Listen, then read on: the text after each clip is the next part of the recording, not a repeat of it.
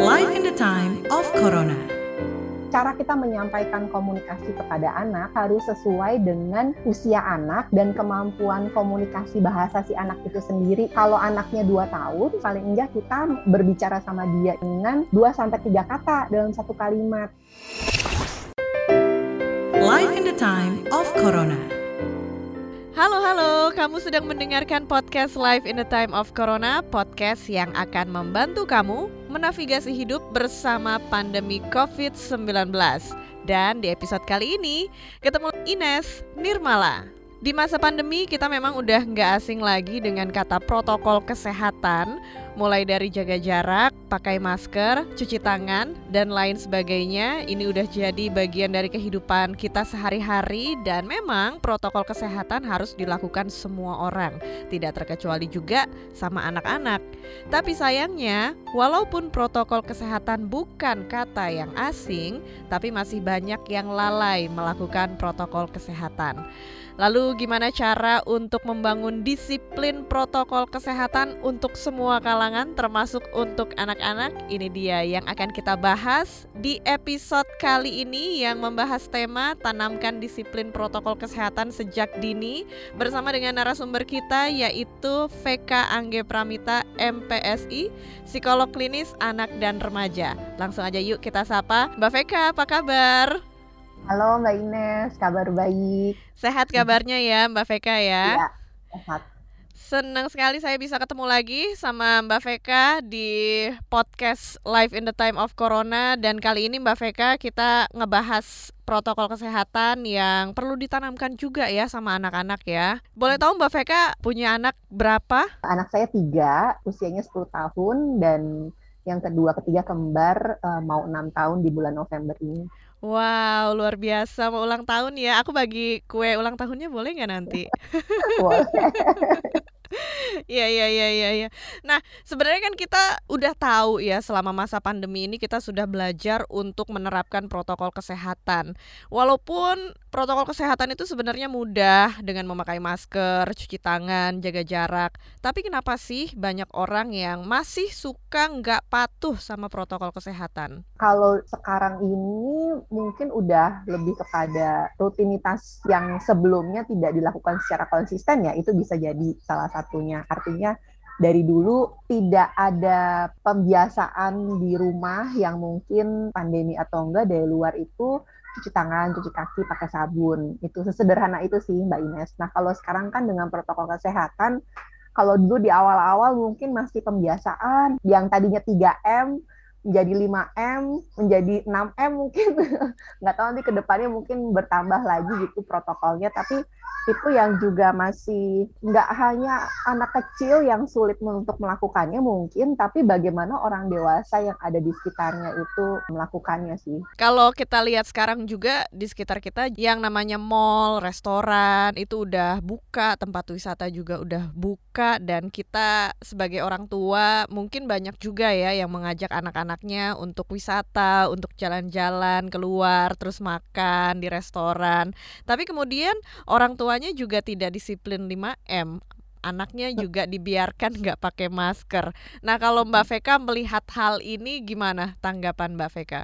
Kalau saya sih sangat disayangkan ya kalau misalkan memang ada niat untuk mengajak pergi keluar rumah dan tidak menerapkan protokol 5M itu sangat disayangkan lah ya karena saya sendiri kan dengan keluarga kami serumah tuh bersembilan sudah kena COVID dengan berbarengan. Sebenarnya nggak harus pakai sampai kena COVID dulu akhirnya untuk kita bisa menerapkan si 5M ini gitu ya. Tapi bagaimana kita memang bisa memahami pandemi itu masih ada. Memang situasi yang tidak mudah untuk terus-terusan seperti ini gitu ya. Jadi harus terus selalu diingat sih si 5M-nya itu. Tuh. Nah itu memang dari kita yang harus sangat diingat-ingat banget banget gitu loh dan itu mulai harus startnya dari uh, orang tua atau orang dewasa yang ada di sekitarnya anak gitu. Iya, karena mungkin anak-anak juga lebih meniru atau mencontoh orang-orang dewasa yang ada di dekatnya ya. Dan pembiasaan nilai ini kan sesederhana kalau yang pandemi ya protokol kesehatan, tapi mm -hmm. kan nilai apalagi nih yang kita mau uh, sampaikan gitu ya, entah itu dari nilai keagamaan, rutinitas ritual atau kebiasaan sehari-hari ketika kita udah mengajar mengajarkan, nanti orang tua itu malah akan diingatkan loh oleh anaknya karena mereka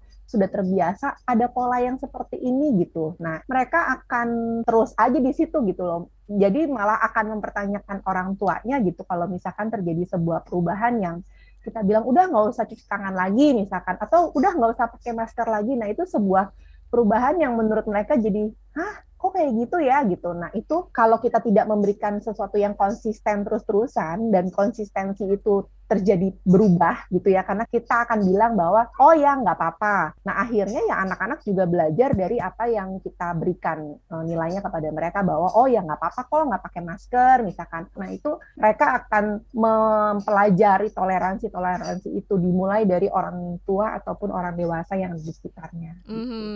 orang tua itu istilahnya juga harus walk the talk ya. Iya benar benar sekali mbak Ines. Iya. Nah yang mungkin bagi orang tua juga ketika anak anaknya bertanya, "Mama, kok itu orang nggak pakai masker sih? Kok itu orang nggak jaga jarak sih?" gitu. Itu cara untuk menjelaskan juga penting ya ke anak ya.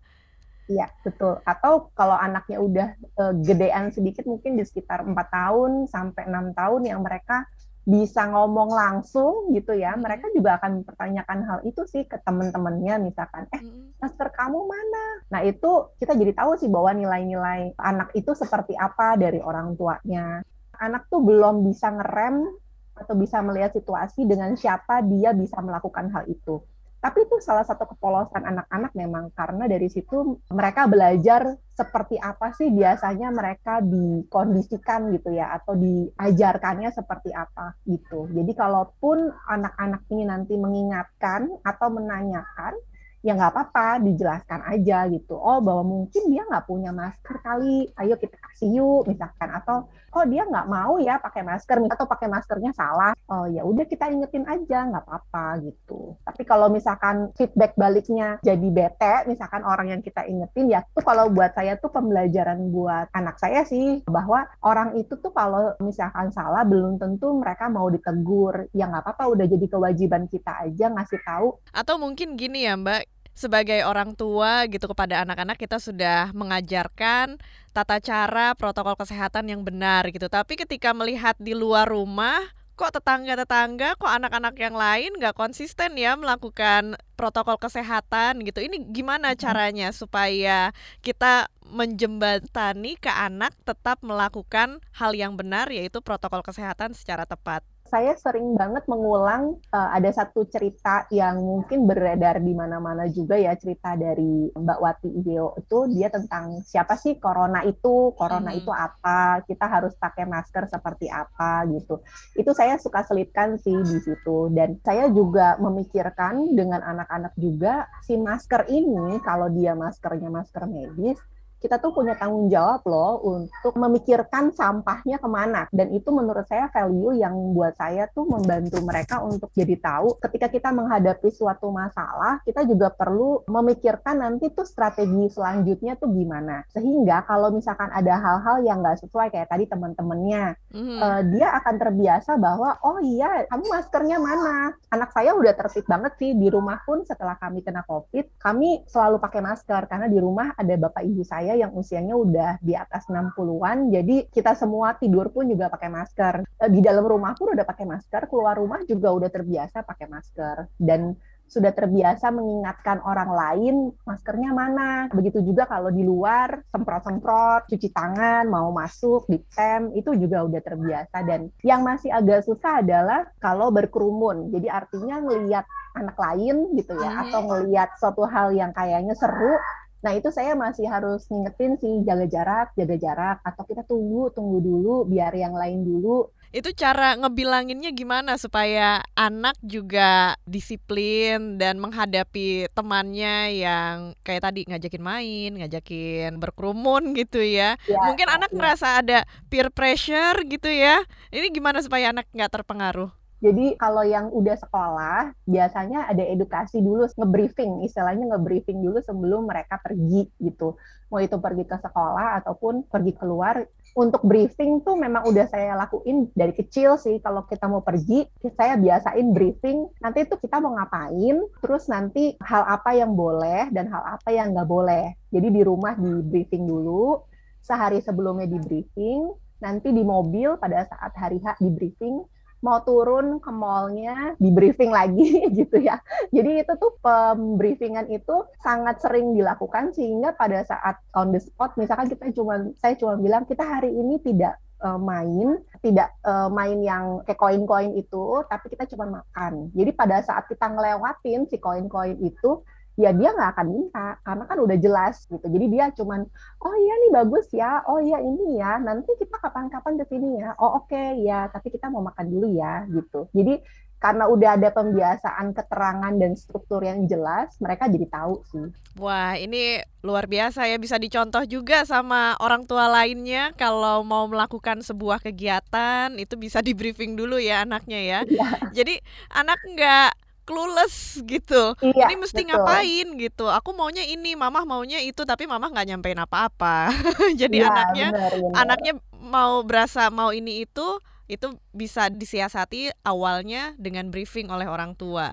Iya. Tapi briefing ini nggak kaku ya Mbak. Jadi uh -uh. sebuah aturan itu memang diharapkan konsisten. Tapi kita nggak cuma ingin agar anak tuh nurut aja. Kalau udah semakin besar, paling nggak di usia enam tahun sampai usia SMP yang saya inginkan sih mereka bernegosiasi. Jadi misalkan ada aturan, hmm. terus mereka ada keinginan, saya ingin mereka lebih banyak menyampaikan bahwa mama boleh nggak aku begini gitu. Terus kalau hmm. saya ngerasa bahwa oke okay, ini sebuah keinginan yang tidak bertentangan dengan aturannya, saya akan nego. Boleh kak, tapi misalkan satu aja atau boleh kak, tapi 10 menit ya cuman lihat tempat mainannya gitu. Nah, itu jadi negosiasi itu hmm. tetap sangat baik untuk bisa diberikan gitu. Iya. Cuman kalau hubungannya sama prokes sih kita agak susah ya ada maksudnya itu sebuah satu hal itu yang kayaknya nggak bisa, bisa ditoleransi ya. Iya, benar benar. Jadi itu kita emang harus konsisten, konsisten ada aturan yang memang jelas dan harus pasti, tapi ada tuh aturan yang masih bisa negosiasi. Itu nah itu jangan lupa sih para orang tua ya. Iya iya iya iya. Nah mbak Veka mungkin ada tips juga nih mengajarkan anak khususnya untuk bertindak secara konsisten itu ya.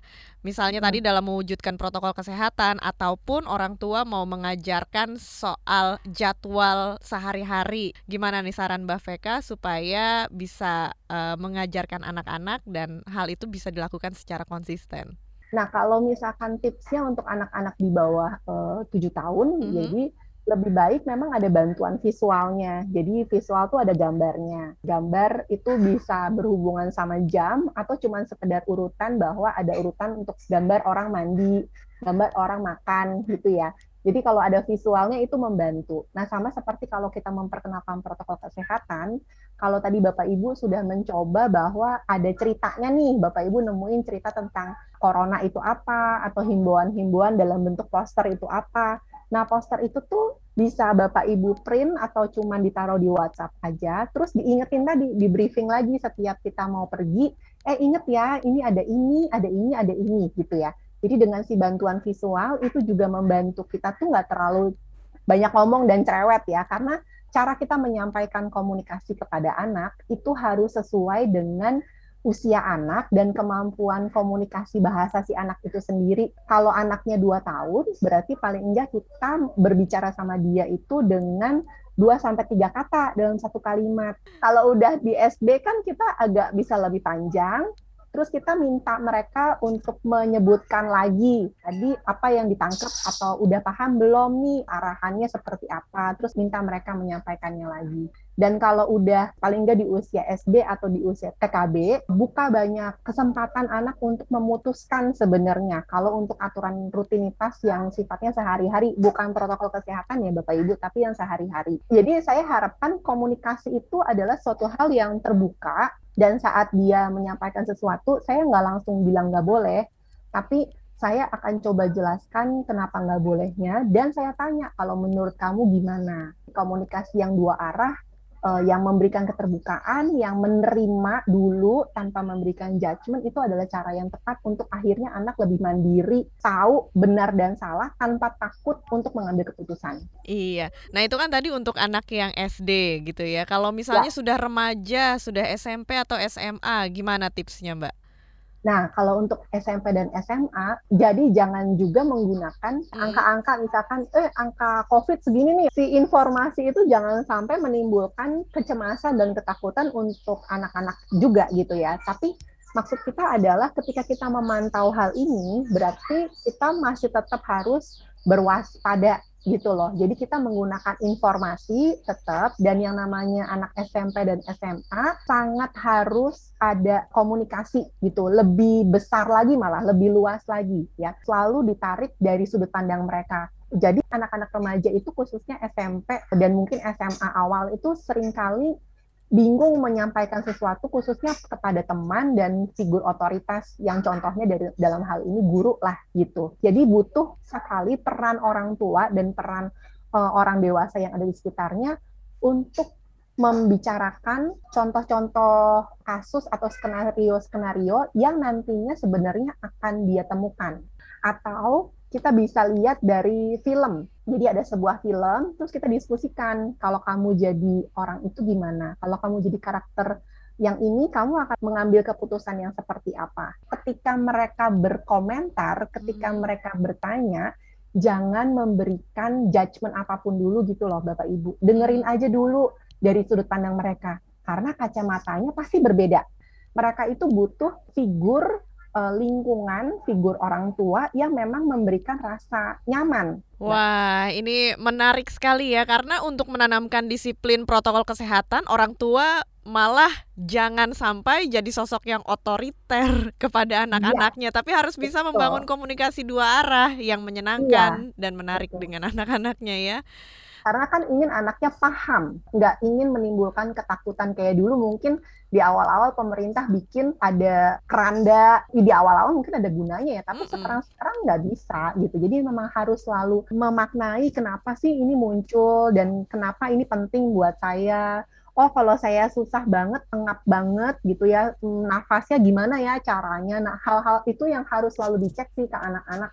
Kita perlu selalu tanya ke mereka, hal apa yang membuat mereka nggak nyaman ketika mereka melakukan hal itu. Dan itu juga jadi uh, refleksi kita juga ya, kenapa mungkin kita nggak mau nggak mau melakukannya atau males. Oke, terima kasih Mbak Veka. Ini obrolan kita menarik banget dan pastinya juga banyak hal-hal bermanfaat yang bisa kita dapatkan dari obrolan di episode kali ini. Thank you ya Mbak Veka udah ngobrol-ngobrol di podcast Live in the Time of Corona. Iya, sama-sama Mbak Ines. Iya, salam untuk keluarga di rumah dan juga untuk anak-anak dan sampai ketemu lagi ya Mbak Veka. Itu dia obrolan kita bersama Mbak Veka Angge Pramita MPSI, psikologis klinis anak dan remaja dan saya juga ucapin terima kasih buat kamu yang sudah mendengarkan podcast Live in the Time of Corona. Untuk ide dan masukan silahkan email ke podcast at kbrprime.id dan tulis di bagian subjek podcast Corona. Jangan lupa ikuti juga podcast yang cocok untuk curious mind kamu di kbrprime.id atau platform mendengarkan podcast lainnya. Ikuti juga kami di Instagram kbr.id dan sampai jumpa di episode selanjutnya. Saya Ines Nirmala pamit, dadah! Life in the time of Corona.